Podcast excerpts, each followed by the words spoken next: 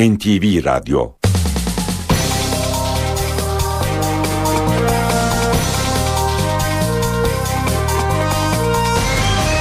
İşe giderken Mutlu sabahlar ben Aynur Altunkaş. Bugün 8 Mart Cuma. Haftanın son iş gününde işe giderkenle karşınızdayız. Yine saat 9'a kadar birlikte olacağız. Türkiye ve dünya gündemindeki gelişmeleri, gazete manşetlerini, piyasa verilerini, yol ve hava durumlarını aktaracağız. Önce gündemin öne çıkan başlıklarına bakalım.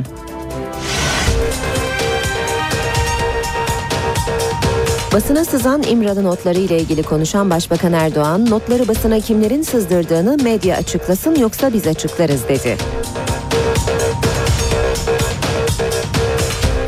Başbakan PKK'nın elinde bulunan kamu görevlilerinin bırakılması ile ilgili uyarıda bulundu. İkinci bir habur istemiyoruz ifadesini kullandı.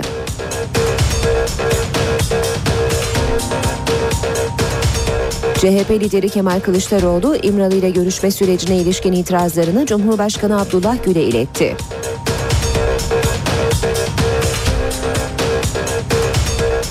Bugün 8 Mart Dünya Kadınlar Günü. Eşi ya da yakınları tarafından öldürülen 8 kadın 8 ünlü isim tarafından canlandırıldı.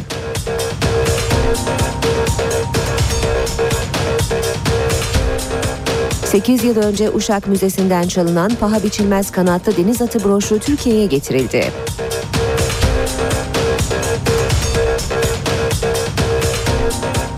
CHP'den bir heyet Şam'a giderek Suriye Devlet Başkanı Beşar Esad'la görüştü. Görüşmeye Başbakan Erdoğan'dan tepki geldi. Venezuela ülkeyi 14 yıl yöneten Hugo Chavez'i bugün son yolculuğuna uğurlayacak. Fenerbahçe UEFA Avrupa Ligi son 16 turu ilk maçında Victoria Pilsen'i 1-0 yendi. Rövanş 14 Mart'ta Kadıköy'de oynanacak.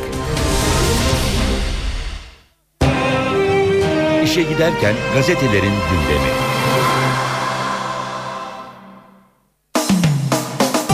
Bugün Dünya e, Kadınlar Günü, 8 Mart Dünya Kadınlar Günü. Şiddetin gölgesinde kutlanmayacak nice 8 Martlar dileğiyle başlayalım basın özetlerine ve günün en anlamlı manşetlerinden birini atan Akşam Gazetesi'nden okuyalım. Şiddetin gerçek yüzü işte Türkiye'yi utandıran erkekler diyor akşam. Bugüne kadar gazetelerde, televizyonlarda hep şiddet mağduru kadınları gördünüz. Dövülen, bıçaklanan, vurulan, öldürülen kadınları. Oysa afişe edilmesi gereken bunlar diyerek eşine şiddet uygulayan e, ve bu şiddetin sonunda e, eşini, sevgilisini e, katleden erkeklerin fotoğraflarına yer vermiş Akşam Gazetesi. Diyor ki dikkat şu an Türkiye'nin 73 şehrindeki 8900 kadın devlet koruması altında. Hepsi şiddet mağduru hepsi öldürülmekten korkuyor. Adana, Kayseri, Konya'da imdat diyor. İstanbul, Ankara, İzmir'de. Ama duyulmayan çığlıklar daha da çok onlar korkudan yardım bile isteyemiyor. Aşağıdakiler son 3 yılda işlenen ve unutulup giden cinayetlerin failleri. Karısını, sevgilisini, kızını öldüren 32 erkek. Ama hepsi bu değil. Şu an 81 ildeki 64.136 erkek kadına şiddet uyguladığı için devlet takibinde. Yakında bu sayfalarda onların da fotoğrafları olacak. Tehlike, e, tehlike büyük, Türkiye dikkat demiş Akşam Gazetesi. Hürriyet gazetesinde de dört kadın dört öykü başlığını görüyoruz. Türkiye Kadınlar Günü'nü şiddetin gölgesinde kutluyor bugün. Bakanlık verilerine göre polis koruması alınan e, altına alınan kadın sayısı 8908'e ulaştı. Umutları yeşerten şey ise kadınların her alanda kendini göstermesi. İşte Türkiye'den 4 fotoğraf diyor. E, bu 4 kadından biri 25 yaşındaki Sevda Türkmen. Pilot 9. Anajet Üssü arama kurtarma filosunda görevli. Bir diğeri iş kadını Nurger, kadın erkek eşitliğini gözeten iş modeliyle Birleşmiş Milletler'den onur ödülü aldı. SC 12 yaşında amcasının oğluyla evlendirilmek istendi. Evden kaçtı, hep mutluluğu aradı ama şiddet gördü. 7 çocuk dünyaya getirdi. Ve Çankaya Belediyesi'nde çalışan 146 kadın temizlik görevlisi bu sabah yine erkenden ellerinde süpürge faraşla sokaklara çıkacak. Başbakanın sözünü görüyoruz. Annelerden özel destek bekliyorum. Başbakan çözüm sürecine 780 bin kilometre karelik vatan toprakları üzerindeki herkesin destek vermesi gerektiğini belirterek annelerden de özel destek istedi. Birliğimizi bozmak isteyenlere kapıları kapatıp bu işi bitirmeliyiz hanım kardeşlerim siz bir işe dur derseniz evelallah o iş durur dedi başbakan. Hürriyet'in manşeti ise 10 yıla 20 kuruş. Mahkeme 10 yıllık memurken 1981'de istifa eden Saim Güre emekli ikramiyesi ödenmesine karar verdi. Sosyal Güvenlik Kurumu hesapladı 20 kuruş. 1-0 çeyreğin yarısı tamam. UEFA Avrupa Ligi'nde Fenerbahçe çeyrek finale tam gaz ilerliyor. Sarı lacivertliler 3. tur ilk maçında deplasmanda Çek Cumhuriyeti'nin Victoria Pilsen takımını 1-0 yenerek rövanş için büyük avantaj sağladı. Geçelim Milliyet gazetesine.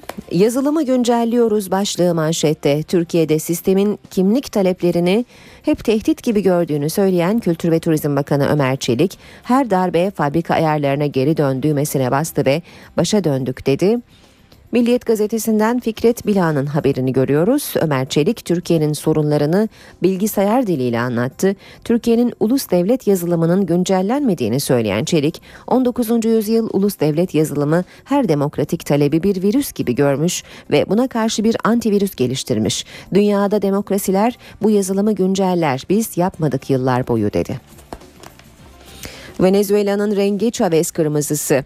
Chavez'in çok sevdiği kırmızıya bürünen yüz binlerce Venezuelalı komandante, komutan dedikleri liderlerinin naaşı eğitim aldığı askeri akademiye götürülürken sokakları doldurdu. Son sözünün ölmek istemiyorum lütfen ölmeme izin verme olduğu açıklanan Chavez'in cenazesine Beşir Atalay da katılacak. Törende Türkiye'nin Başbakan Yardımcısı düzeyinde temsil edilecek olması dikkat çekti demiş Milliyet gazetesi.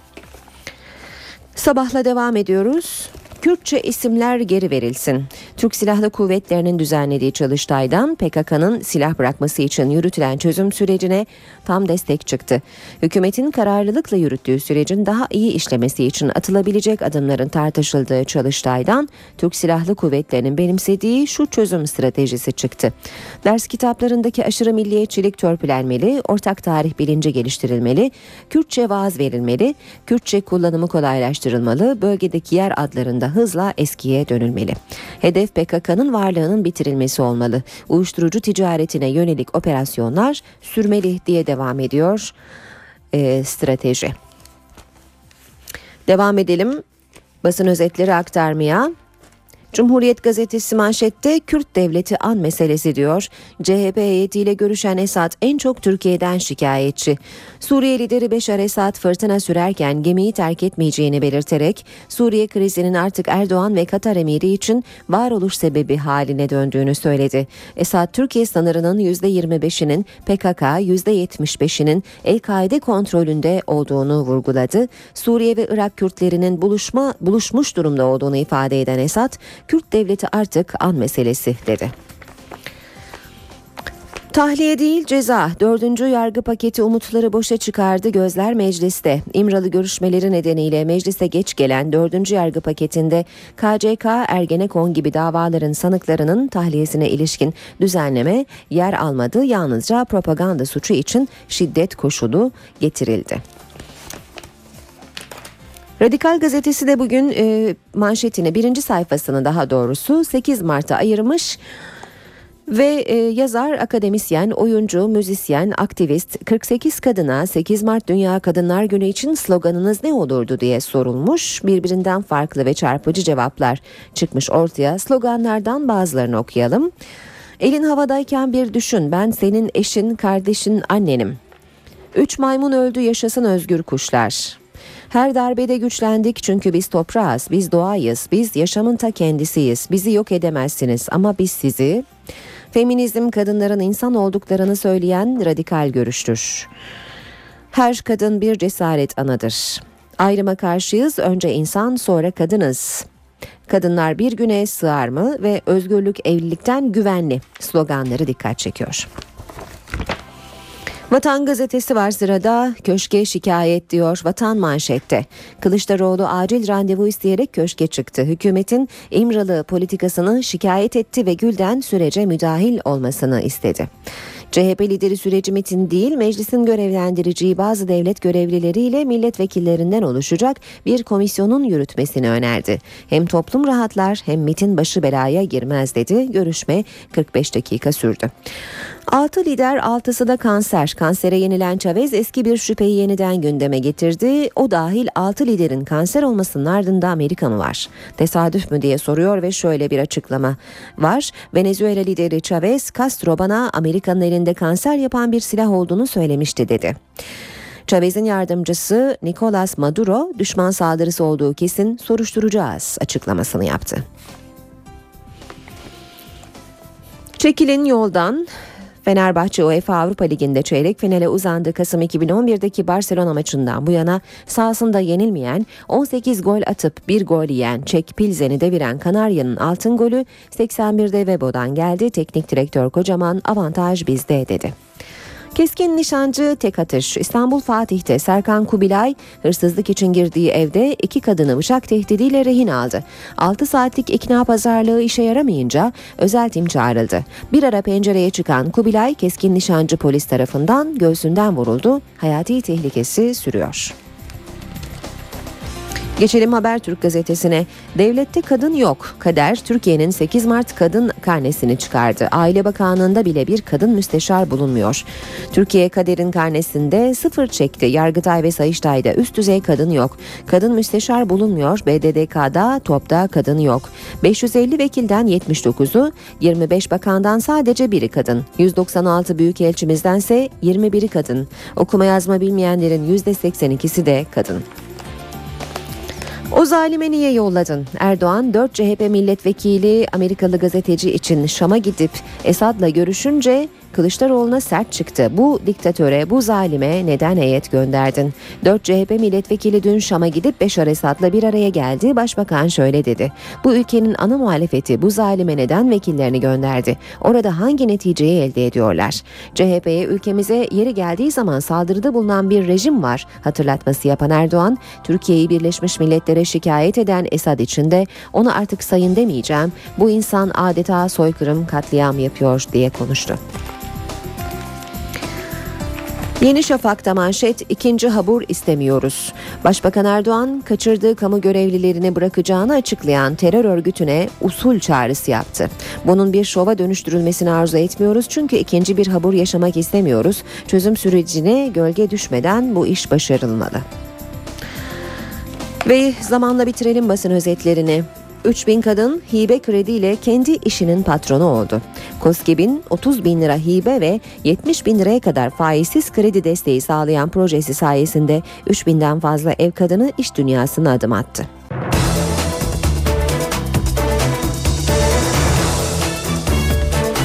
Saat 7.17 işe giderken gündemin ayrıntılarıyla sürüyor. İmralı görüşmelerinin basına sızan tutanakları gündemdeki yerini koruyor. Başbakan Tayyip Erdoğan görüşme notlarını basına kimlerin sızdırdığını medya açıklasın yoksa biz açıklarız dedi. PKK'nın kaçırdığı kamu görevlilerinin bırakılması ile ilgili de uyarıda bulunan başbakan ikinci bir habur istemiyoruz ifadesini kullandı. Köşkte sürpriz bir de ziyaret vardı. CHP lideri Kemal Kılıçdaroğlu süreçle ilgili itirazlarını Cumhurbaşkanı Abdullah Gül'e iletti. Belki de medya dünyasından bazı arkadaşlar bu sızdırmayı kimler yapmış onlar da bunu açıklayabilirler. Ama biraz sabır gerekecek. Çünkü onlar biliyorlar ve onların açıklaması bunu gerekir. Dürüstlük de bunu gerektirir. Başbakan Recep Tayyip Erdoğan bazı medya mensuplarının İmralı tutanaklarını basına kimin sızdırdığını bildiğini söyledi. Açıklamamaları halinde o zaman biz açıklamak durumunda kalabiliriz diyorum yine. PKK'nın elindeki kamu görevlerinin bırakılması ile ilgili sürecin takip edildiğini belirten Başbakan Erdoğan, verilen tarihten olduğunu anlattı, konuyla ilgili hassasiyetini vurguladı. Temenni ederim ki çok gecikmeden bu kardeşlerimizi, bu vatandaşlarımızı bırakmış olurlar.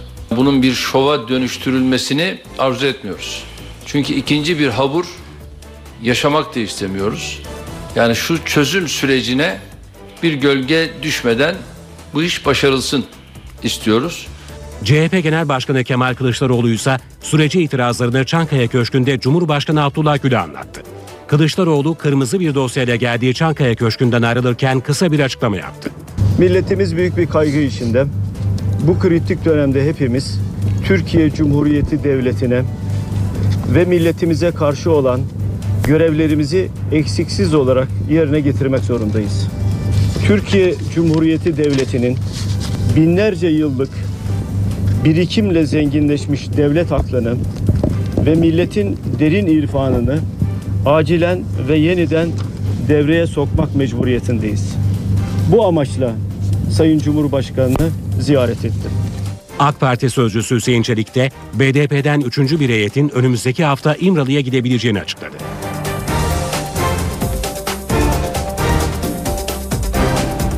Basına sızan İmralı notları ile ilgili bir açıklamada Mardin Bağımsız Milletvekili Ahmet Türk'ten geldi. Türk öz eleştiri yaptı. Partimizin hiçbir hatası yokmuş gibi bir şey söyleyemem. Mutlaka bir tedbirsizliğin sonucunda bu noktaya gelinmiştir dedi.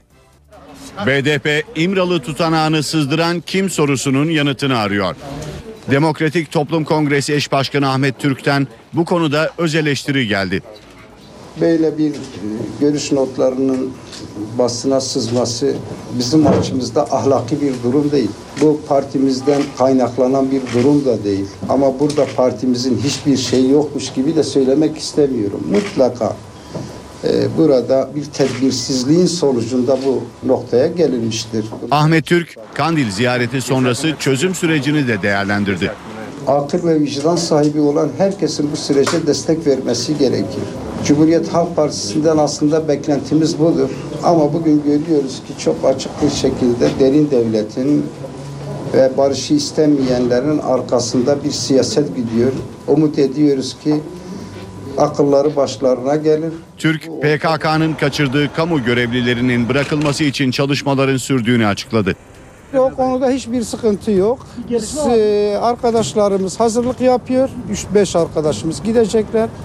E, oradaki çalışmaları da bitirdik. Oradaki hükümetten de iki arkadaş katılıp bunları gelip sağ salim e, evlerine kavuşturacak.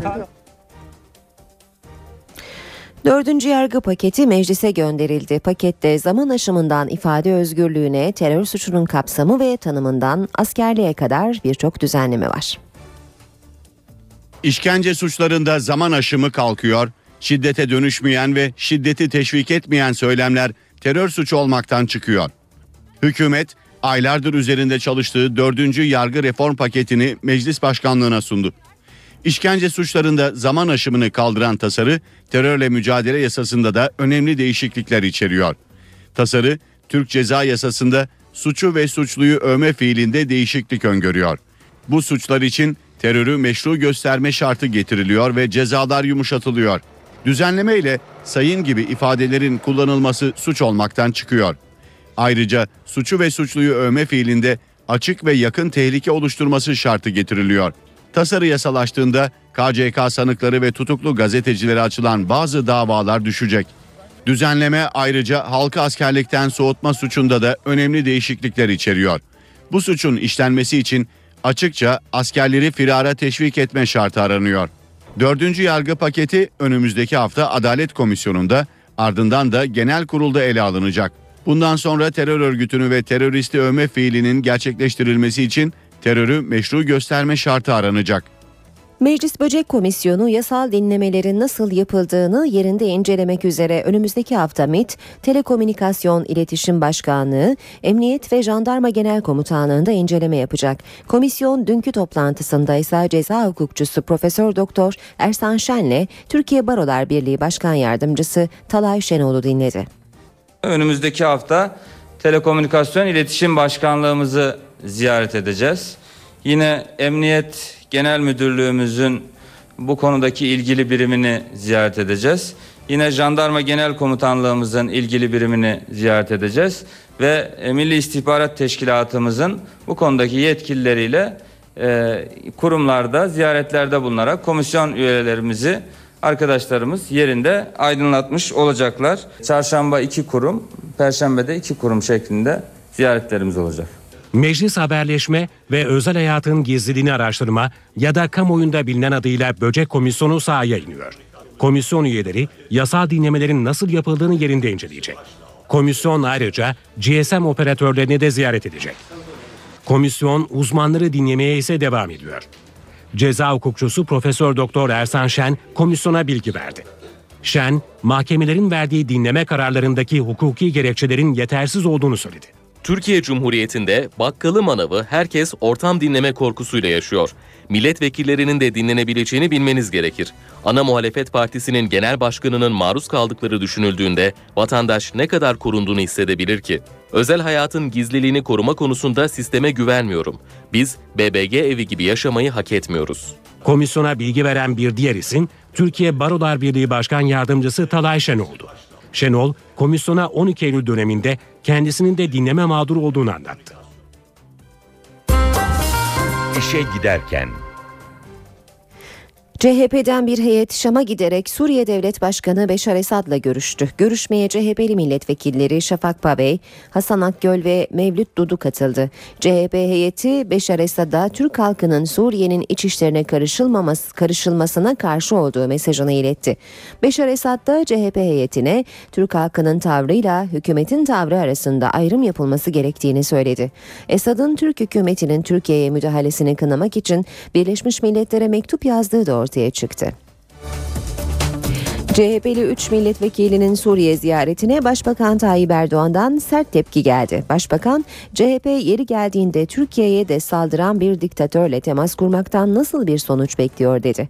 Beşar Esad'ın Türkiye'yi Birleşmiş Milletler'e şikayeti konusuyla ilgili de konuşan Erdoğan, orası zalimlerin müracaat yeri değil dedi.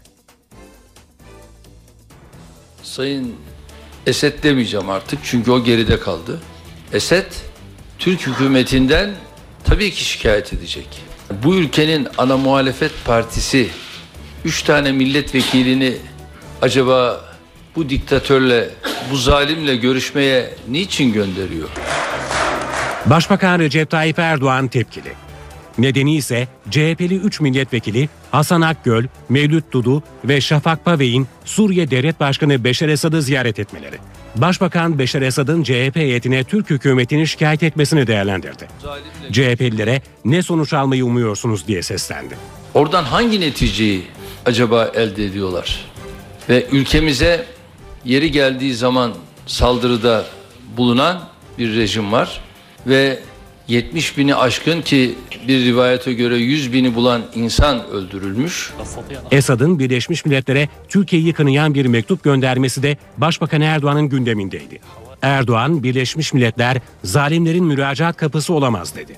250 bin insanı topraklarımızda barındırdığımız için mi şikayet edecek? Bir orada adeta soykırım katliamı gerçekleştiriyor bu insan. Bir devlet terörü estiriyor. Bunun için mi bizi Birleşmiş Milletler'e şikayet edecek? Birleşmiş Milletler herhalde böyle bir zalimin, böyle bir diktatörün müracaat kapısı değildir. Bizim abdestimizden şüphemiz yok. Onun için namazımızdan da şüphemiz yok. Suriye muhalefeti geçici başbakanı seçmek için salı günü İstanbul'da toplanacak. Ürdün'e iltica eden eski Suriye Başbakanı Riyad Hicab aday olmayacağını açıkladı. Hicab başbakanlığın en iddialı adayı olarak görülüyordu. Ancak Hicab'ın Esad rejiminde üst düzey görevi muhalefetteki İslamcı ve liberal kesimlerin itirazına neden olmuştu. işe giderken Türkiye çalınarak yurt dışına kaçırılan bir tarihi eserine daha kavuştu. 2005 yılında çalındıktan sonra Almanya'da bulunan kanatlı deniz atı broşu dün akşam Kültür ve Turizm Bakanı Ömer Çelik tarafından İstanbul'a getirildi. Bakan Çelik eserin yakında yeniden sergileneceğini söyledi. Kültür ve Turizm Bakanı Ömer Çelik iki gün önce Almanya'da teslim aldığı kanatlı deniz atı broşunu göstermişti. Bakan Çelik dün akşam Türkiye'ye geldi. Beraberinde paha biçilemeyen broşu da getirdi.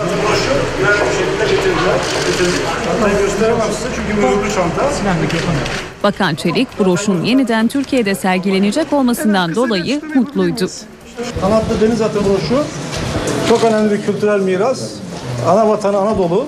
Biraz Anadolu'dan uzak kaldı, gurbetteydi. Ben şimdi beraberimizde getirdik. Kanatlı deniz atı broşuna memleketine hoş geldin, Anadolu'ya hoş geldin diyorum. Birazdan arkadaşlarıma teslim edeceğim ve müzede sergilenmeye başlayacak. Geçici olarak Ankara'daki Anadolu Medeniyetleri Müzesi'nde sergilenecek olan broş, Uşak'ta yapımı devam eden yeni arkeoloji müzesi tamamlanınca da oradaki yerini alacak. Kanatlı deniz atı broşu Türkiye'ye getirildi ama broşun çalınması ile ilgili hala aranan suçlular var. Broşla ilgili 8 yıllık serüveni kısaca hatırlayalım. Interpol vasıtasıyla yaptığımız bu aramalar sonucunda en sonunda bu esere ulaştık. Eser bakanlığımız tarafından incelendi. Orijinal olduğu anlaşıldı. Kanatlı deniz atı broşu 2005 yılında Kültür ve Turizm Bakanlığı'na gönderilen ihbar mektubuyla gündeme oturdu. Broşun çalındığı iddia ediliyordu. Polisin soruşturması iddiaları doğruladı. Ayrıntılarsa olay kadar dikkat çekiciydi. Uşak Arkeoloji Müzesi'nde sergilenen eser önce sahtesiyle değiştirildi. Müze müdürü Kazım Akbıyıkoğlu ve beraberindekiler çaldıkları broşu satmak için İstanbul'a kapalı çarşıya gitti. Ancak 1,5 milyon dolar fiyat istenen deniz atına alıcı çıkmadı. İki hafta sonra tekrar satılmak üzere İstanbul'a götürülen eser alıcılar tarafından gasp edildi. Nitelikli zimmet ve görev ihmal suçundan tutuklanan Uşak Arkeoloji Müzesi Müdürü Kazım Akbıyıkoğlu 15 yıl hapis cezası aldı. Olayla ilgili olduğu tespit edilen iki kişi ise hala aranıyor. Alman makamları da eserin ülkelerine nasıl gittiğini belirlemek için soruşturma yapıyor. Birazdan Ankara, İstanbul ve İzmir'in trafik notlarını aktaracağız ve spor haberlerine bakacağız. Şimdi kısa bir aramız var. Ara vermeden önce gündemin başlıklarını hatırlatalım. Basına sızan İmralı notları ile ilgili konuşan Başbakan Erdoğan, notları basına kimlerin sızdırdığını medya açıklasın yoksa biz açıklarız dedi. Başbakan PKK'nın elinde bulunan kamu görevlilerinin bırakılması ile ilgili uyarıda bulundu. İkinci bir habur istemiyoruz ifadesini kullandı.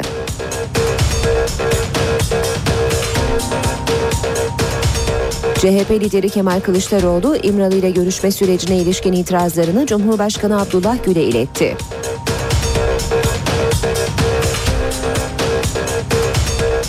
Bugün 8 Mart Dünya Kadınlar Günü. Eşi ya da yakınları tarafından öldürülen 8 kadın 8 ünlü isim tarafından canlandırıldı.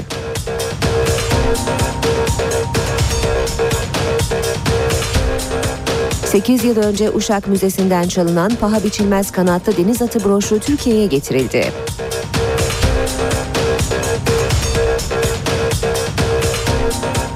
CHP'den bir heyet Şam'a giderek Suriye Devlet Başkanı Beşar Esad'la görüştü. Görüşmeye Başbakan Erdoğan'dan tepki geldi. Venezuela ülkeyi 14 yıl yöneten Hugo Chavez'i bugün son yolculuğuna uğurlayacak. Fenerbahçe UEFA Avrupa Ligi son 16 turu ilk maçında Victoria Pilsen'i 1-0 yendi. Rövanş 14 Mart'ta Kadıköy'de oynanacak.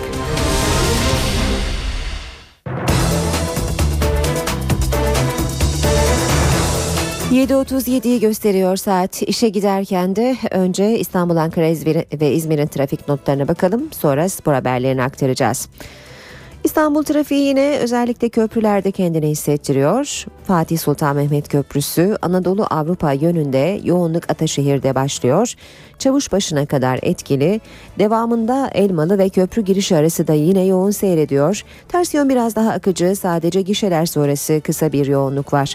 Boğaziçi Köprüsü Anadolu Avrupa geçişi yoğunluğu Çamlıca'da başlıyor. Köprü çıkışına kadar etkili. Ters yönde Zincirlikuyu'da başlayıp yine köprü çıkışına kadar etkisini hissettiriyor. B100'de Topkapı Darül Aceze arasında trafik yoğun. Daha geride Şirin Evler, Merter arasında yine yoğun bir sürüş var. Anıt Mezar, Cevizli Bağ arası da yoğun seyrediyor. Tem otoyolunda İstoç'ta başlayıp Mahmut Bey'e kadar devam eden kısa süreli bir yoğunluk var. E, köprü yönünde Karayolları Mahallesi'nde de yoğun bir trafik olduğunu görüyoruz. Anadolu yakasına bakalım. Tem'de Ataşehir Dudullu arasında trafik yoğun. Çamlıca gişelere yaklaşırken de yine yoğunluk artıyor. D100 karayolunda ise Küçük Yalı Kozyatağı arasında trafiğin yoğun e, ilerlediğini görüyoruz. Yol çalışmalarından bahsedelim biraz. D100'de Gülsuyu Maltepe yönünde yol bakım çalışması var. Ters istikamette Kartal Pendik arasında Kartal kavşağını geçtikten sonraki e, çalışmalar trafikte yoğunluk oluşturuyor. E, köprü katılımını ilgilendiren Bağlarbaşı Altunizade yönündeki yol bakım çalışmasını hatırlatalım. E, Avrupa yakasında da Balmumcu katılımının trafiğe kapatıldığını hatırlatalım. Sürücülerin Yıldız katılımını kullanmaları gerekiyor. Ankara'da Cinnah Caddesi Atatürk Bulvarı arasında sürüş hızı 29 kilometre, varış süresi 13 dakika. Keçiören Kavşağı Anadolu Bulvarı arasında ortalama hız 36 kilometre, varış süresi 17 dakika. İzmir'de Mavişehir Konak arası 36 kilometre hızla 23 dakikada 3 Kuyular Vapur İskelesi Alsancak arası da 32 kilometre hızla 15 dakikada geçilebilir.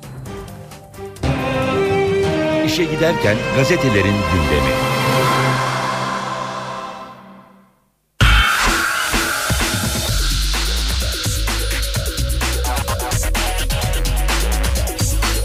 Spor sayfaları.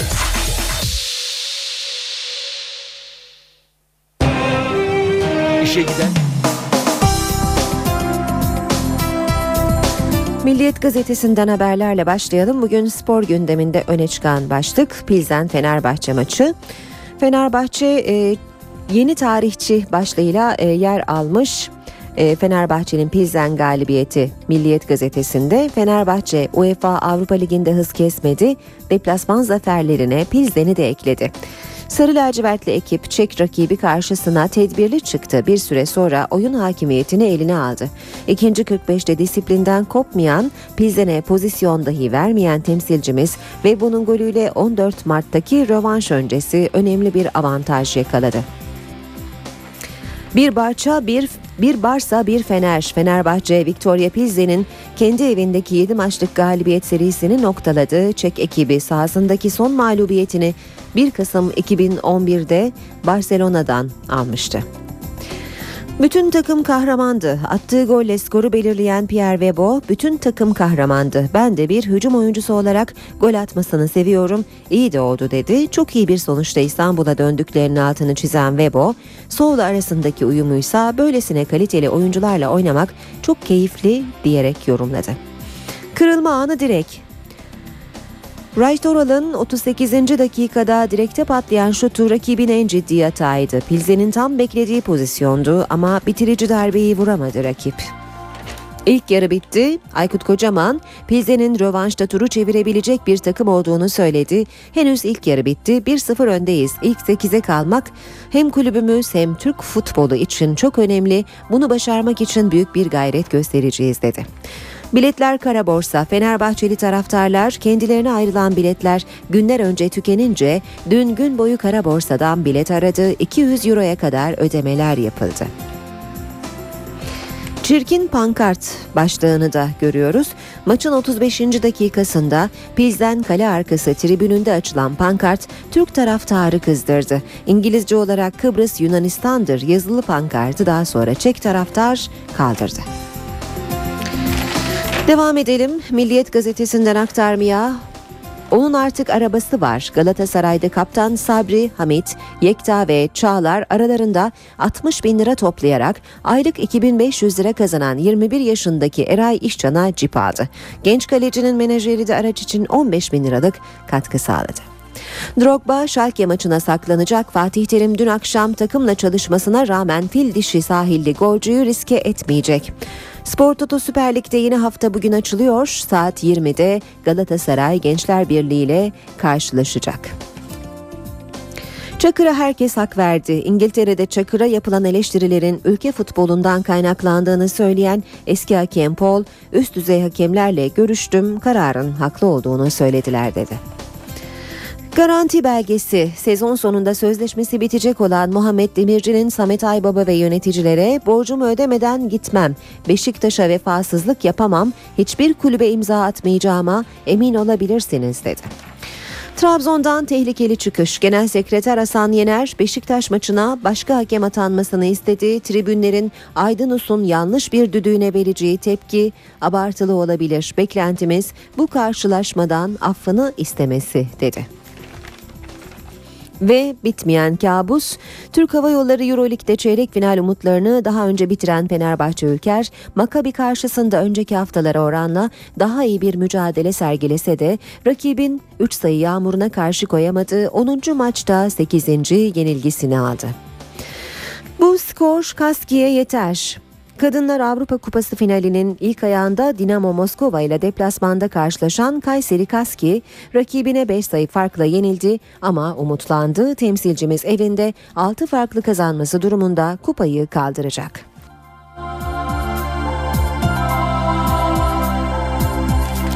Geçelim Habertürk gazetesine. Fenerbahçe'nin Pilsen galibiyeti Habertürk'te de Pierre Parem başlığıyla yer almış. Avrupa Ligi'nde Fenerbahçe'nin şovu sürüyor. Kanarya Victoria Pilsen'i deplasmanda Pierre Webo ile yıktı. Çeyrek finalin kapısına dayandı. Son şampiyon Atletico Madrid'in grubundan lider çıkmış. Bu sezon Avrupa Ligi'nde evindeki maçlarda 7'de 7 yapmış. İtalya'nın şampiyon adayı Napoli'yi iki maç sonunda 5-0 ile selamlamıştı. Pilsen işin özü Çetin Ceviz'di ama bu sezon UEFA'daki deplasman maçlarında bileği bükülmeyen Fenerbahçe Çek Cumhuriyeti'nde önce oyunu kontrolüne aldı ardından pozisyonlar gelmeye başladı diye anlatıyor maçın hikayesini Habertürk gazetesi. Schalke'ye de sıra gelecek. Galatasaray'da Fatih Terim bu akşam oynanacak Gençler Birliği maçı öncesi futbolcuları uyardı. Hepinizin aklında Şampiyonlar Ligi maçının olduğunu biliyorum ama şimdi onları unutun ve önünüzdeki Gençler Birliği karşılaşmasını düşünün. Çünkü sıra Schalke'ye de gelecek. Drogba belirsiz, Dani kadroda yok. Sarı kırmızılı takımda sağ arka baldırında sertleşme bulunan Drogba'nın bugünkü Gençler Birliği sınavında ilk 11'de yer alıp almayacağı karşılaşma öncesi netlik kazanacak. Hasan Şaş dümende Fatih Terim'in cezası ve Ümit Davala'nın operasyon geçirmesi nedeniyle bugünkü Gençler Birliği maçında takımın başında sahaya Hasan Şaş çıkacak. Kamçılıyor. İbrahim Toraman ortada oynamasının takıma avantajını anlattı. Beşiktaş'ın başarılı kaptanı karar tabii ki hocamızın ama orta sahada kendimi daha özgür ve etkili hissediyorum. Arkadaşlarımın dikkatini çekerek onları bir bakıma kamçılıyorum dedi. Kayseri'de Kupa Bizim başlığını görüyoruz Habertürk'te de. Kaski üst üste ikinci finalini oynadığı FIBA Avrupa Kupası'nda Rus Dinamo Moskova'ya rakip sahada ilk ayağı 5 sayı farkla kaybetse de 14 Mart'ta Kayseri'de oynanacak rövanş için önemli avantaj yakaladı. Kısmete bak Aykut Kocaman ve boyu oyundan alacağı sırada Kamerunlu oyuncu golü atınca moral olsun diye sahada tutup sovu kenara çekti. Ama Vebo ciddi şekilde sakatlandı ve en az 3 hafta sahalardan uzak kalma ihtimali var. Durumu bugün çekilecek. MR sonrası belli olacak.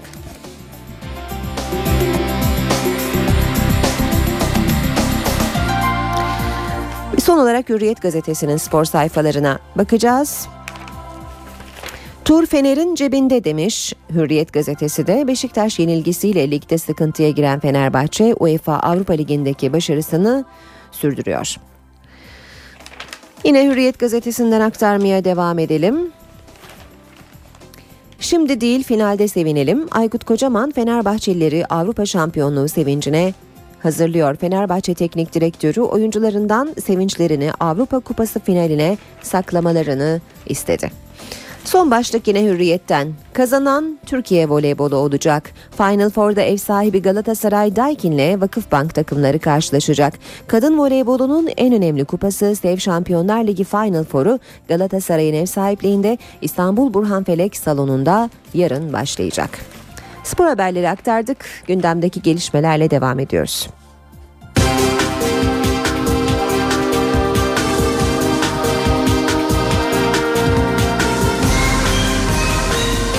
İşe giderken. Bugün 8 Mart Dünya Kadınlar Günü ancak üzücü bir kadın cinayeti haberimiz var. Manisa'da 3 çocuk annesi kadın kocası tarafından sokak ortasında öldürüldü. 38 yaşındaki Gülcan Çelen'i ölüme götürense sokakta uzun süre telefonla konuşmasıydı. Olay Turgutlu ilçesi Yiğitler Mahallesi'nde yaşandı. Musa Çelen sokakta uzun süre telefonla konuşan 38 yaşındaki eşi Gülcan Çelen'le tartıştı. Daha sonra eşini bıçaklayarak öldürdü. Kaçmaya çalışan zanlı yakalanarak gözaltına alındı. 8 Mart Kadınlar Günü'nde öldürülen 8 kadın 8 ünlü ismin yer aldığı projeyle hatırlandı. Eşleri ya da yakınları tarafından öldürülen bu kadınlar için birer de mektup yazıldı. Dövülerek, bıçaklanarak ya da vurularak öldürüldüler. Şiddet sonucu hayatını kaybeden 8 kadın, 8 ünlü kadın da can buldu. 8 Mart Dünya Kadınlar Günü'nde şiddete dikkat çekmek için Hülya Avşar, Burcu Esmersoy, Songül Öden ve Bergüzar Korel gibi ünlü isimler Mehmet Turgut'a poz verdi. Ünlü kadınlar öldürülen kadınların son anlarını canlandırdı, duygularını mektuplarla anlattı. Nereden mi bilmişler? Çünkü benzeri yaşanmış daha önce. Eğer öyle olursa da ilk olmayacakmış zaten. Ki öyle de olmuş. Gitmiş ve öldürülmüş. Burcu Esmersoy eşi tarafından öldürülen Şefika Eti'ye yazdığı mektubu okumakta güçlük çekti. Bana en büyük acıyı veren o şey o zaten. Yani aslında bir kadının en kendini en güvenli hissetmesi gereken yerde öldürülmüş olması. Aslında en büyük sıkıntı o zaten. En büyük derdimiz de o zaten. Çünkü hem en yakınlarından görüyor kadınlar şiddeti. Songül Öden'in mektubu 24 yaşında öldürülen Mehtap Civele'ydi. Ve soğuk bir kış günü bedenin kanı donmuş bir kaldırım kenarın, kenarındaydı. Bu fotoğrafların kahramanlarının neler yaşadığını hissederken çok kötü hissettim kendimi. Çünkü e, benim canlandırdığım e, kadın elinden gelen her şeyi yapmış ayakta durmak için. Aile ve Sosyal Politikalar Bakanı Fatma Şahin de öncülük ettiği projenin gecesindeydi. Kadına yönelik şiddeti bir insan hakkı ihlali olarak görüyoruz. Ama bunlar olmasın diye önce baktığımız şey kadının birey olarak güçlenmesidir. Kendi hayatıyla ilgili söz sahibi olmasıdır. Bu uzun soluklu mücadelede eğitim, sağlık ve istihdam, ekonomik güçlenmeyi üç ayrı bacakta götürüyoruz. Şiddet gören kadınların genel tablosuna bakacak olursak Türkiye genelinde 9 bin kadın polis koruması altında yaşıyor. Aile ve Sosyal Politikalar Bakanlığı verilerine göre en fazla polis korumasını alınan kadının yaşadığı kent Adana oldu. 2315 kadının korunduğu Adana'yı 1372 koruma kararıyla İzmir takip etti. İstanbul'da 245 kadına koruma verilirken Ankara'da bu sayı 42 oldu. Bilecik, Bolu, Çorum, Hakkari, Kars, Kastamonu, Malatya, Mardin ve Siirt'te ise müracaat olmamasından dolayı polis koruması verilen kadın bulunuyor. İşe giderken İstanbul'da hareketli bir gün yaşandı. İstanbul Fatih'teki rehine eylemi kanla bitti. Hırsız olarak girdiği evdeki iki kadını rehin alan saldırgan özel harekat polisleri tarafından vurularak yakalandı. İki genç kızı rehin alan sabıkalı hırsız yaralı olarak yakalandı. Olay İstanbul Fatih'te Molla Fenari mahallesinde meydana geldi. Beş katlı binanın en üst katındaki daireye giren sabıkalı hırsız Serkan Kubilay, içeride Işıl Yurdakulu görünce paniğe kapıldı. Kapıyı açtık. Bir baktık e, o içeride bir adam o bayanı bıçak dayamış. E, Bizi içeriye e, geçirdi. Geçin içeri yoksa keserim dedi. Evdeki iki kızdan birini serbest bırakan hırsız elindeki bıçakla Işıl Yurdakulu rehin aldı. Kubilay uzun süre polis tarafından ikna edilmeye çalışıldı.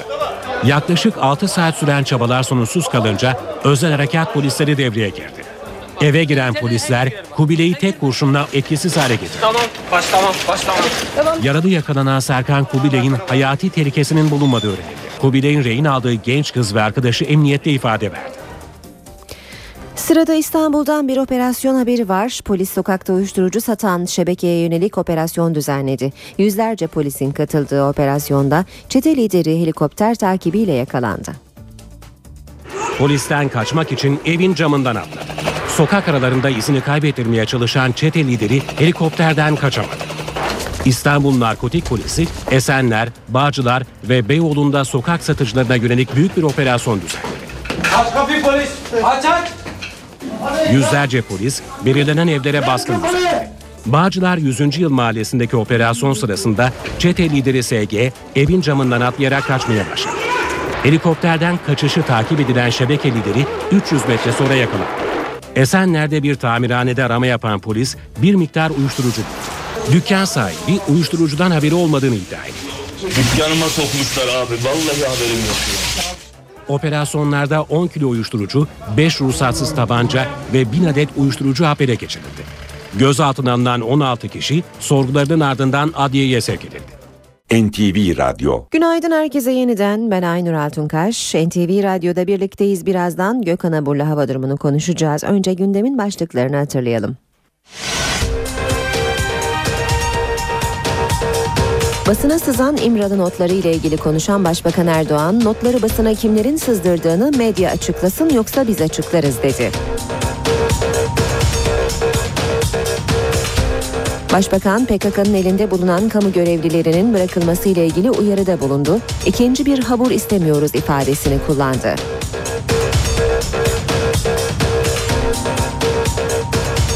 CHP lideri Kemal Kılıçdaroğlu İmralı ile görüşme sürecine ilişkin itirazlarını Cumhurbaşkanı Abdullah Gül'e iletti.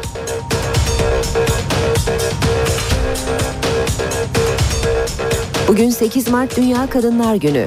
Eşi ya da yakınları tarafından öldürülen 8 kadın 8 ünlü isim tarafından canlandırıldı.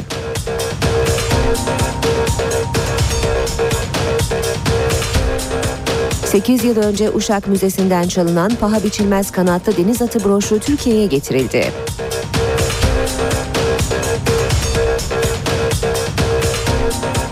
CHP'den bir heyet Şam'a giderek Suriye Devlet Başkanı Beşar Esad'la görüştü. Görüşmeye Başbakan Erdoğan'dan tepki geldi. Venezuela ülkeyi 14 yıl yöneten Hugo Chavez'i bugün son yolculuğuna uğurlayacak. Fenerbahçe UEFA Avrupa Ligi son 16 turu ilk maçında Victoria Pilsen'i 1-0 yendi. Rövanş 14 Mart'ta Kadıköy'de oynanacak. Gökhan Abur günaydın. Günaydın. Hafta sonu ılık mı geçecek? Hafta sonu ılık geçecek ama e, Aynur ön- öncelikle senin şahsında bugün Dünya Kadınlar Günü. Dünya Kadınlar Günü'nü kutlamak Teşekkür istiyorum ve ediyoruz. kadına şiddete ka- çok karşı olduğumu da belirtmek istiyorum. Evet ılık geçecek. E, batıda yağış var, e, lodos var. Lodos zaman zaman sert esecek. Özellikle lodosun bugün e, yine Bodrum civarında e, kuvvetli esmesini bekliyoruz. E, İstanbul'da ise öğle saatlerinde yine 3 kuvvetli denizcilik deyimine bunu vurguladım. Lodos var. Ee, tabii ki yağışlar dün akşam başlamıştı Trakya'da aralıklarla devam ediyor. Şu anda Edirne'de Kırklareli'nde yağış var. Sabah saatlerinde İzmir'de vardı ve aralıklarla devam ediyor. Yağışlar giderek kuvvetlenecek. Özellikle e, Çeşme'den başlayarak yani İzmir'in e, Çeşme, Dikili ve oradan Ayvalık ve Bozcaada arasındaki bugünkü sağanakların çok daha kuvvetli olmasını bekliyoruz. Sağanaklar, batıdaki sağanaklar bugün için e, ilerleyen saatlerde iç kesimlerde de hafif olarak etkili olacak. Çünkü iki tane yoğun bulut kümesi var. Bunlardan bir tanesi Batı Karadeniz'i etkisi altına ve Marmara'yı etkisi altına almaya çalışıyor. Bir diğer yoğun bulut kümesi de Ege kıyılarını etkisi altına alıp yağışların hızını arttırmaya çalışıyor. Evet bugün bu şekilde olacak. Yarın sıcaklıklar daha yükselecek ama bugün için doğuda biraz evvel e, vurguladığın gibi doğuda hava oldukça soğuk. E, Erzurum şu anda eksi 26 derece, Kars eksi 22 derece. Yağış beklemiyoruz doğu bölgelerimizde. Çok hafif Elazığ Malatya arasında kısa süre gün içinde yağış görülebilir. Yarın güne bu sefer Güney Ege'de daha kuvvetli olmak üzere sağanaklar var. Ve Marmara'da, Batı Akdeniz'de ve e, Karadeniz boyunca yağışlar yağmur şeklinde aralıklarla devam edecek ve sıcaklıklar yükselmesini sürdürecek. Pazar günü yağış hafifliyor. Marmara'nın doğu kesimlerinde ve Karadeniz boyunca kısa süreli yağışlar var. Ege'de iç kesimlerde güneyde yağış beklemiyoruz. Ama pazartesi ve salı günden itibaren Marmara yer yer kuvvetli olmak üzere yağışların etkisi altına girecek ki pazartesi günü başlayacak yağışlar hafta boyu devam edecek gibi gözüküyor. Özellikle İstanbul için bunu söylüyorum. Tabi haftanın ikinci yarısında da İstanbul başta olmak üzere Marmara ve kuzey kesimlerde hava yeniden soğuyacak. Bizleri bekleyen koşullar e, bugün için böyle hafta sonu biraz ıslak geçecek gibi gözüküyor ama hava ılık. O geçtiğimiz günlerde gördüğümüz çok so- soğuk olan hava yerini daha ılık sanki bahar havasıymış Hı hı. gibi bir havaya bırakıyor. Tabi baharın bir özelliği de yağışlar var. Ama yağışlar batıda daha kuvvetli. Teşekkür ediyoruz. Güzel dilekleriniz için de teşekkür ederim Gökhan Abur. Hoşçakalın. İşe giderken gazetelerin gündemi. Hı.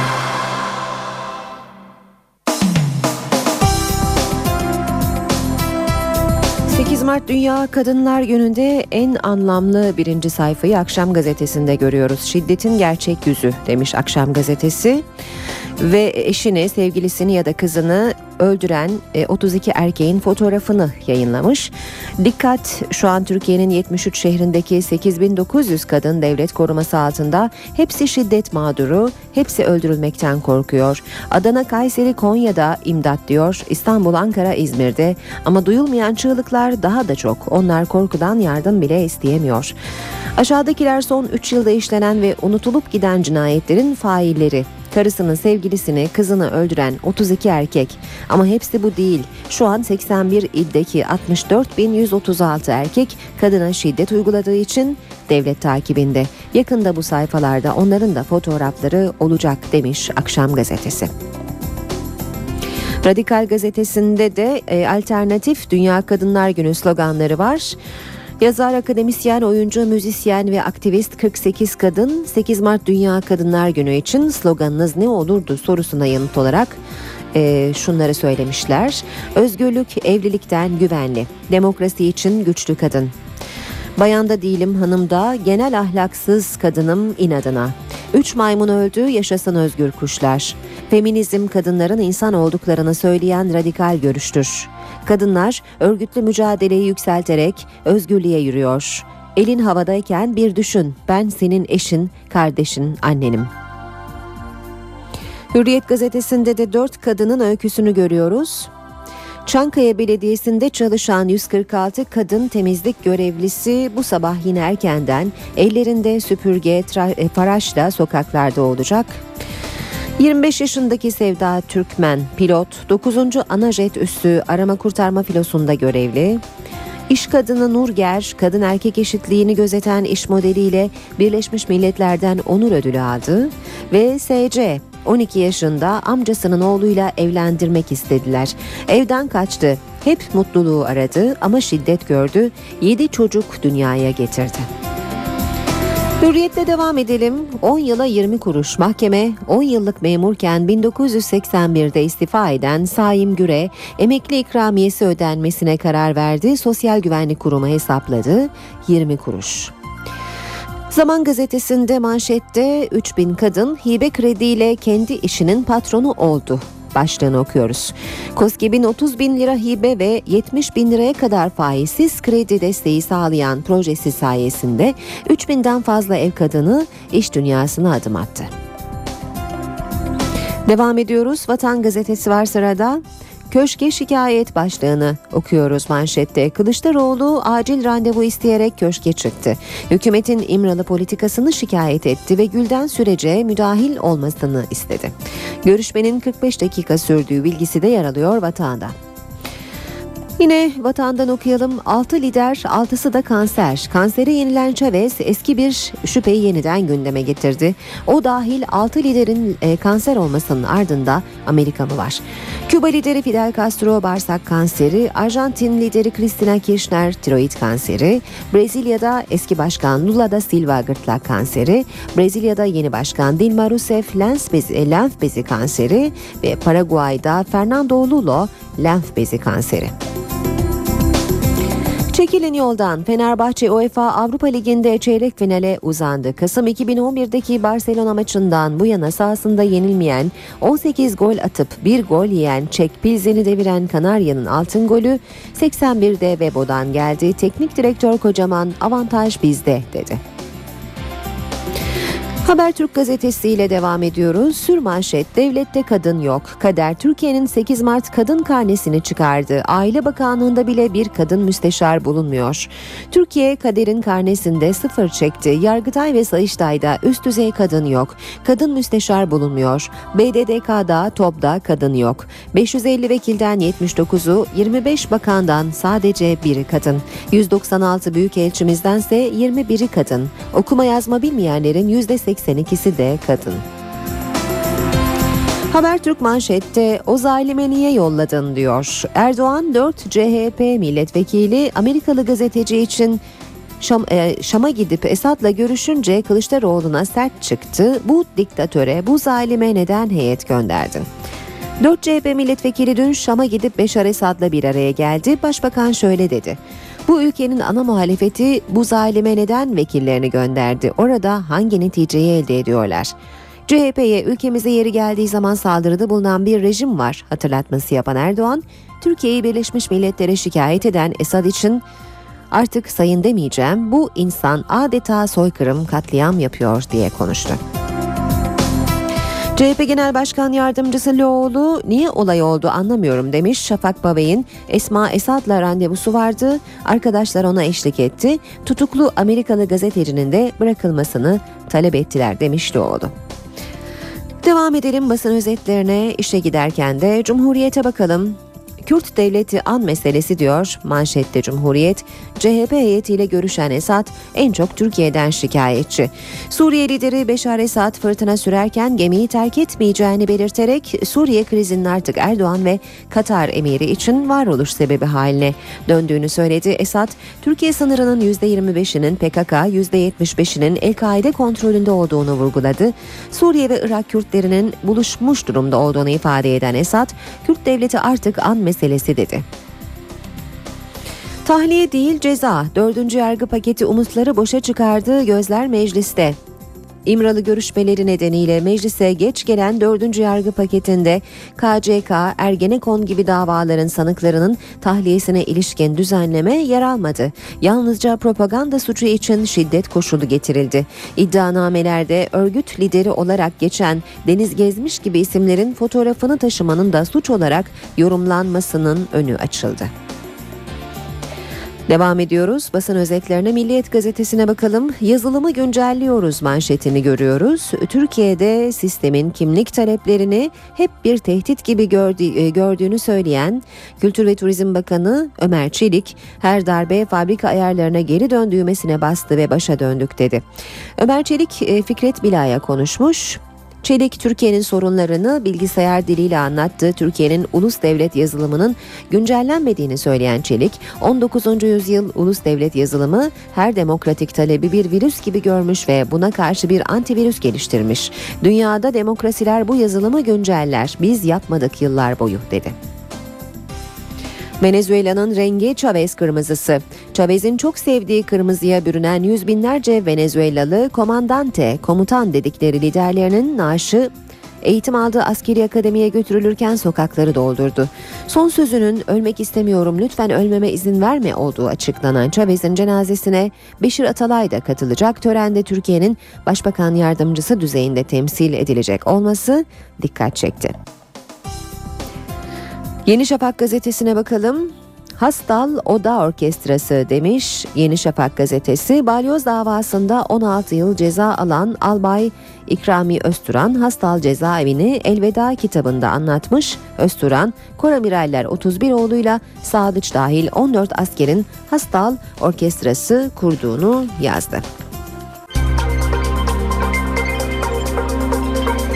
Ankara gündemi.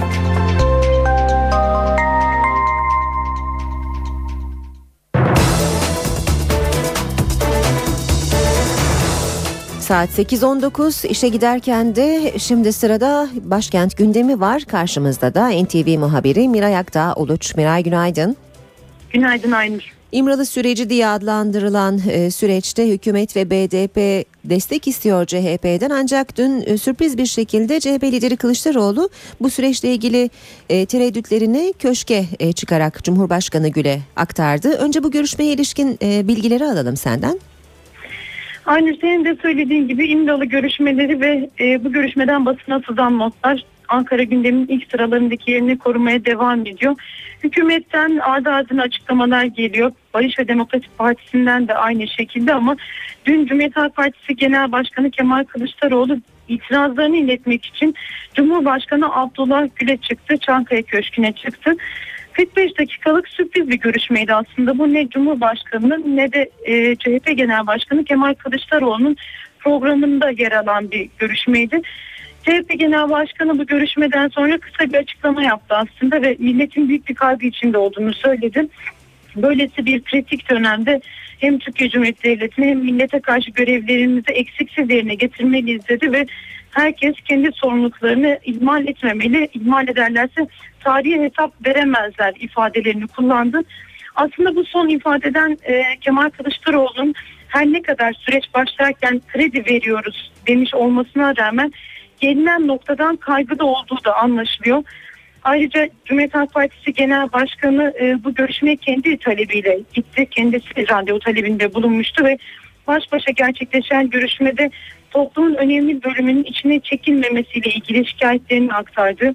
Mutabakatın aranmadığı bir sürecin başarılı olmasının zor olduğunu ifade ettiği, bu başarısızlığın da Türkiye için ağır bedelleri olabileceği yönünde uyarılarda bulunduğu belirtiliyor. Kılıçdaroğlu basına yansıyan tutanaklar konusunda da kaygıdım. Ve bununla ilgili olarak da artık sürecin hukuki mecradan uzaklaşmaya başladığıyla ilgili şikayetleri vardı. Bu konuda da bazı taleplerde bulunduğu belirtiliyor. Cumhuriyet Halk Partisi Genel Başkanı'nın hem meclisin hem Cumhurbaşkanı'nın daha etkin olduğu, muhalefetin bilgilendirildiği ortak bir platformda sürecin işlenmesi yönünde talepleri var. E, ve bu taleplerini de hem de eleştirilerini de e, Cumhurbaşkanı Abdullah Gül'e iletti. Dediğimiz gibi her ne kadar süreç başlarken kredi veriyorum demiş olsa da gelinen noktada ana muhalefet partisinin süreçle ilgili kaygılı olduğunu görüyoruz Aynur. Peki Miray e, e, Ankara e, yeni bu haftayı hangi günden başlıklarıyla kapatıyor? Haftanın son iş gününde başkentin rutin gündeminde e, aslında çok da yoğun bir programımız yok diyebiliriz. Devletin zirvesinin programını aktararak başlayalım. Cumhurbaşkanı Abdullah Gül'ün kabulleri var. Yeni Zelanda Dışişleri Bakanı ile Moğolistan Büyükelçisini kabul edecek. Moğolistan Büyükelçisini kabulü basına açık. Bu yüzden gazetecilerin gündeme ilişkin sorularına yanıt verebilir Cumhurbaşkanı. Bugün 8 Mart Dünya Kadınlar Günü e, siyasi partilerin genel başkanları Kadınlar Günü ile ilgili mesajlarını Ankara'nın dışından verecekler. Başbakan Siirt'te Kadınlar Günü ile ilgili bir etkinliğe katılıyor. Cumhuriyet Halk Partisi Genel Başkanı Kemal Kılıçdaroğlu da İstanbul'da yine Kadınlar Günü ile ilgili bir etkinliğe katılacak. Mecliste Cemil Çiçek'in bir programı var. Bugün siyasi partilerin grup başkan vekilleriyle bir toplantıda bir araya gelecek. Hafta başında da aslında haberlerini yapmıştık. Mecliste giderek artan bir ziyaretçi sayısı var. Buna ilişkin önlemler masaya yatırılacak. Ve önceki gün çıkan yangın sonucu 687 iş yerinin kül haline geldi. Yunus Emre Halk Çarşısı. Onunla ilgili de önemli bir toplantı gerçekleşecek bugün. Gümrük ve Ticaret Bakanı Hayati Yazıcı hem yerel yöneticiler hem de mağdur olan esnafla bir araya gelecek. Onların sorunlarını da dinleyecek ama kuşkusuz alınacak önlemler de bakanın gündeminde olacak.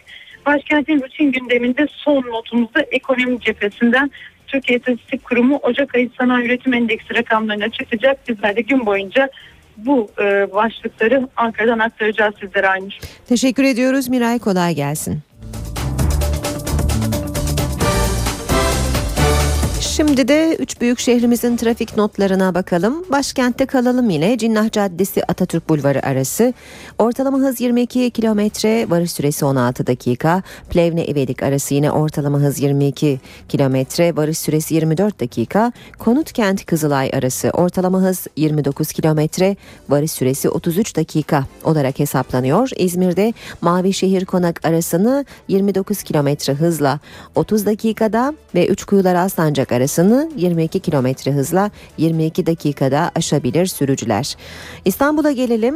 İstanbul'da e, bugün cuma, cuma sabahı trafiği yine yoğunluğunu hissettiriyor.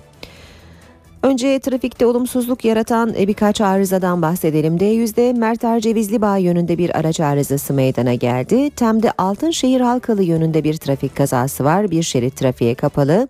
Yine D100'de Şirin Evler İncirli yönünde bir arızalı araç bölge trafiğini olumsuz etkiliyor. O3'de 100 yıl İstoç yönünde bir trafik kazası var. Bölgede trafik yoğunlaşıyor. D100'de Gülsuyu Maltepe yönünde yol bakım çalışması var. Ayrıca Bağlarbaşı Altunizade yönünde de çalışma sürüyor. Avrupa yakasında Balmumcu katılımının trafiğe kapatıldığını hatırlatalım. Köprüyü kullanacaklar Yıldız katılımını kullanmalılar. Fatih Sultan Mehmet Köprüsü Anadolu Avrupa yoğunluğu hafiflemiş durumda bir saat öncesine kadar. Elmalı Köprü girişi arası çok yoğun. Ayrıca Ümraniye Çavuşbaşı arasında da trafik yoğun seyrediyor. Ters yön akıcı. Tem'de köprü yönünde Karayolları Mahallesi Maslak Kavşağı arasında trafik çok yoğun ilerliyor. Metris ve Mahmut Bey arasında da yine yoğun bir trafik var. D100'de Topkapı'dan başlayan ve Darül Arize'ye kadar devam eden çok yoğun bir e, trafik olduğunu görüyoruz. Yine D100 ile devam edelim. Ambarlı ve Küçükçekmece Kavşağı arasında da trafik oldukça yoğun seyrediyor. Anadolu yakasında E5 karayolunda Maltepe Kavşağı Kozyatağı arasında trafik çok yoğun. Kartal Kavşağı'ndaki çalışma sebebiyle de bu bölgede trafik yoğun seyrediyor. Göztepe Uzunçayır arasında da seyir hızı oldukça yavaş.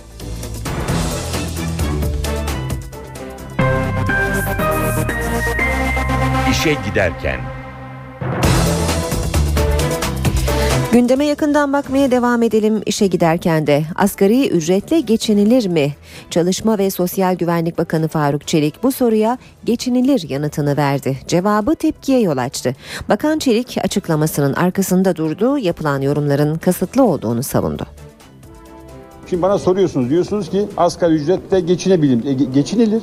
Nasıl geçinilir? Peynir alırsınız, ekmek alırsınız, zeytin alırsınız. Geçinirsiniz. Asgari ücretle geçinmek mümkün diyen Çalışma ve Sosyal Güvenlik Bakanı Faruk Çelik iddiasını bu sözlerle sürdürdü. Çelik asgari ücret uygulamasının koruma amaçlı olduğuna dikkat çekti. Hükümet olarak asgari ücreti 10 yıldır enflasyonun üstünde artırdıklarını söyledi. Asgari ücret bir sosyal koruma ücretidir. Yani bundan aşağı ücret teklif edilemez e, çalışana diyoruz. Hükümet olarak, bakanlık olarak bunun çok daha yukarı olmasını isteriz. Kim istemez 1500 ile 2000 lira asgari ücret olsun diye? Hepimiz isteriz. Çelik eleştirilerin kasıtlı olduğu görüşünde. Asgari ücret konusu birinci cümle alınıp arkasından gelen arkasından gelen e, onlarca cümleyi dikkate almayan bir yaklaşım, bir spekülatif değerlendirme, bir kamuoyu oluşturma. Bakan Çelik, işverenlere sağlanacak yeni istihdam teşvikleriyle ilgili düzenlemenin imzayı açılacağını da söyledi.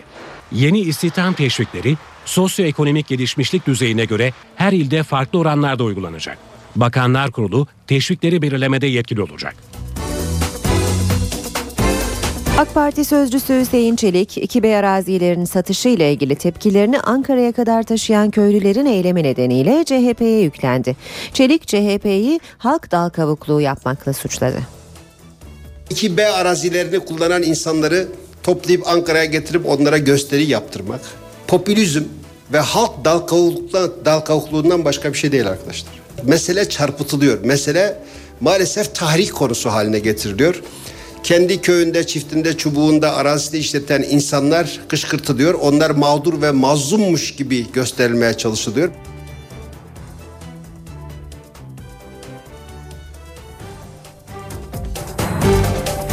Sosyal Güvenlik Kurumu'nun ucuz ilaç uygulaması hastaları mağdur ediyor.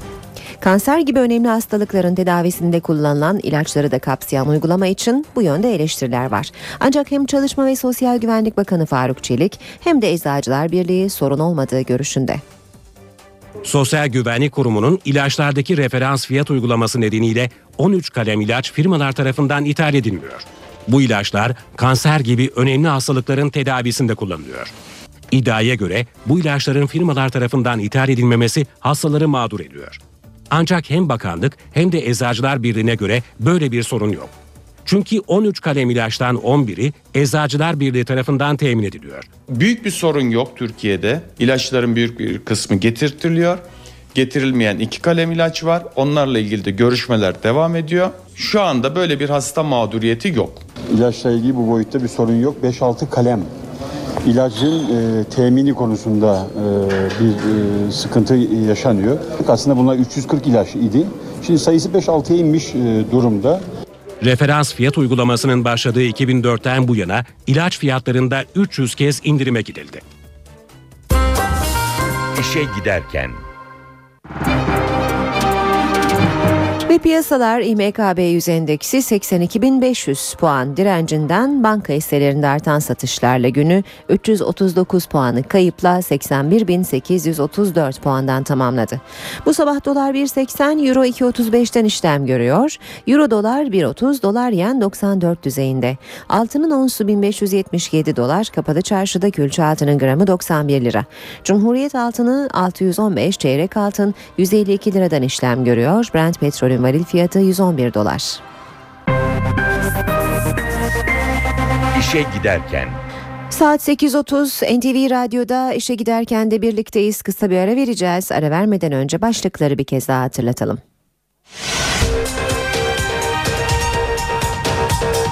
Basına sızan İmralı notları ile ilgili konuşan Başbakan Erdoğan, notları basına kimlerin sızdırdığını medya açıklasın yoksa biz açıklarız dedi. Başbakan PKK'nın elinde bulunan kamu görevlilerinin bırakılması ile ilgili uyarıda bulundu. İkinci bir habur istemiyoruz ifadesini kullandı.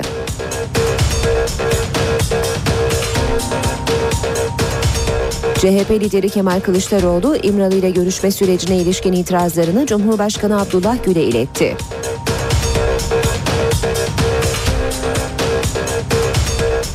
Bugün 8 Mart Dünya Kadınlar Günü. Eşi ya da yakınları tarafından öldürülen 8 kadın 8 ünlü isim tarafından canlandırıldı.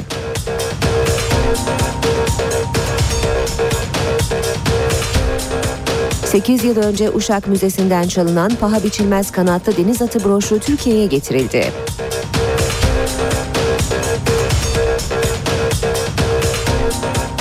CHP'den bir heyet Şam'a giderek Suriye Devlet Başkanı Beşar Esad'la görüştü. Görüşmeye Başbakan Erdoğan'dan tepki geldi. Venezuela ülkeyi 14 yıl yöneten Hugo Chavez'i bugün son yolculuğuna uğurlayacak. Fenerbahçe UEFA Avrupa Ligi son 16 turu ilk maçında Victoria Pilsen'i 1-0 yendi. Rövanş 14 Mart'ta Kadıköy'de oynanacak.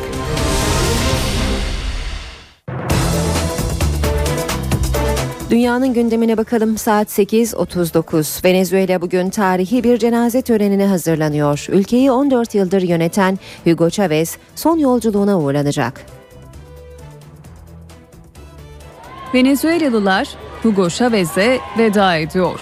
Başkent Caracas'taki Harp Okulu'nda halkın ziyaretine açılan Chavez'in naaşı ziyaretçi akınına uğradı. Binlerce Venezuelalı 14 yıldır ülkeyi yöneten Chavez'i son kez görmek için saatlerce kuyrukta bekledi. Chavez'i ne kadar çok sevdiğimi anlatamam. Bize büyük bir miras bıraktı. Onun için bu ülke ve devrim için canımı vermeye hazırım. Venezuela hükümeti ise kansere yenik düşen Chavez'i ölümsüzleştirmek için harekete geçti. Chavez'in naaşının Lenin ve Mao gibi mumyalanarak sergileneceği açıklandı. incluso este que hoy estamos viviendo. Quiero decirle al pueblo y al mundo Kumandanımız Chavez'in naaşı cenaze töreninin ardından mumyalanacak ve devrim müzesine konulacak. Böylelikle insanlar sonsuza dek onunla olabilecek. Chavez'in destekçileri ise naaşın Latin Amerika'nın bağımsızlık mücadelesini önderlik eden Simon Bolivar'ın yanına gömülmesini istiyor. Chavez'in bugün düzenlenecek olan cenaze törenine Latin Amerikalı liderlerin yanı sıra İran Cumhurbaşkanı Mahmut Ahmedinejad da katılacak. Törende Türkiye'yi Başbakan Yardımcısı Beşir Atalay temsil edecek. Kansere yenik düşen devlet başkanı Hugo Chavez bugün son yolculuğuna uğurlanacak Venezuela'da. Chavez'in ardından devlet başkanlığı koltuğuna yardımcısı Nicolas Maduro'nun geçmesi bekleniyor. Maduro'nun karizmatik lider Chavez'in bıraktığı boşluğu doldurup dolduramayacağı tartışılıyor. Venezuela'nın efsanevi lideri Hugo Chavez artık yok. Peki Venezuela'yı bundan sonra ne bekliyor? Ufukta seçim var. Yapılacak seçimlerde Chavez'in çizgisini sürdürenlerle muhalifler arasında restleşme yaşanması muhtemel. Bu restleşmenin baş aktörleri ise Chavez'in halefi olarak belirlediği devlet başkan yardımcısı Nicolas Maduro ve muhalefetin adayı Enrique Capriles olacak. Mücadeleden Maduro'nun galip çıkması bekleniyor. Eski bir şoför ve sendikacı olan Maduro, Chavez'in en yakın danışmanlarından biriydi. 2006'dan beri Dışişleri Bakanlığı'nı yürüten 50 yaşındaki Maduro, Chavez'in Ekim ayında kazandığı seçim zaferinin ardından devlet başkan yardımcısı oldu. Chavez'in aksine sakin yapısıyla tanınan Nicolas Maduro, Amerikan karşıtı cephede yer alan Çin, İran, Suriye, Rusya ve Belarus gibi ülkelerle Venezuela'nın ilişkilerini geliştirilmesinde başrol oynadı. Maduro, Chavez'in istediği gibi iktidar koltuğuna oturursa birçok ekonomik sorunla karşı karşıya kalacak. %22'yi aşan enflasyon, özellikle Çin'e olan dış borç ve ülkenin petrol gelirlerine olan bağlılığının azaltılması gerekecek. Chavez yandaşları ve karşıtları olarak bölünen ülkeyi birleştirmeye çalışacak olan Maduro'nun ülke ekonomisini raya oturtmak için Amerika ile daha iyi ilişkiler kurmak zorunda kalabileceğine de dikkat çekiliyor. İsrail hapishanelerinden casus serçeler haberi var. Mossad'ın hapishanelere soktuğu casus serçeler Filistinli tutuklular üzerinde hem deney yapıyor hem de bilgi topluyor. Eski bir mahkum yaşadıklarını Anadolu Ajansı'na anlattı. Buna göre tutuklu uzun süre kaldığı tek kişilik hücrede yalnızlıktan çıldıracak hale gelince gardiyanların kendisini sorgulamasını isteyecek hale geliyor.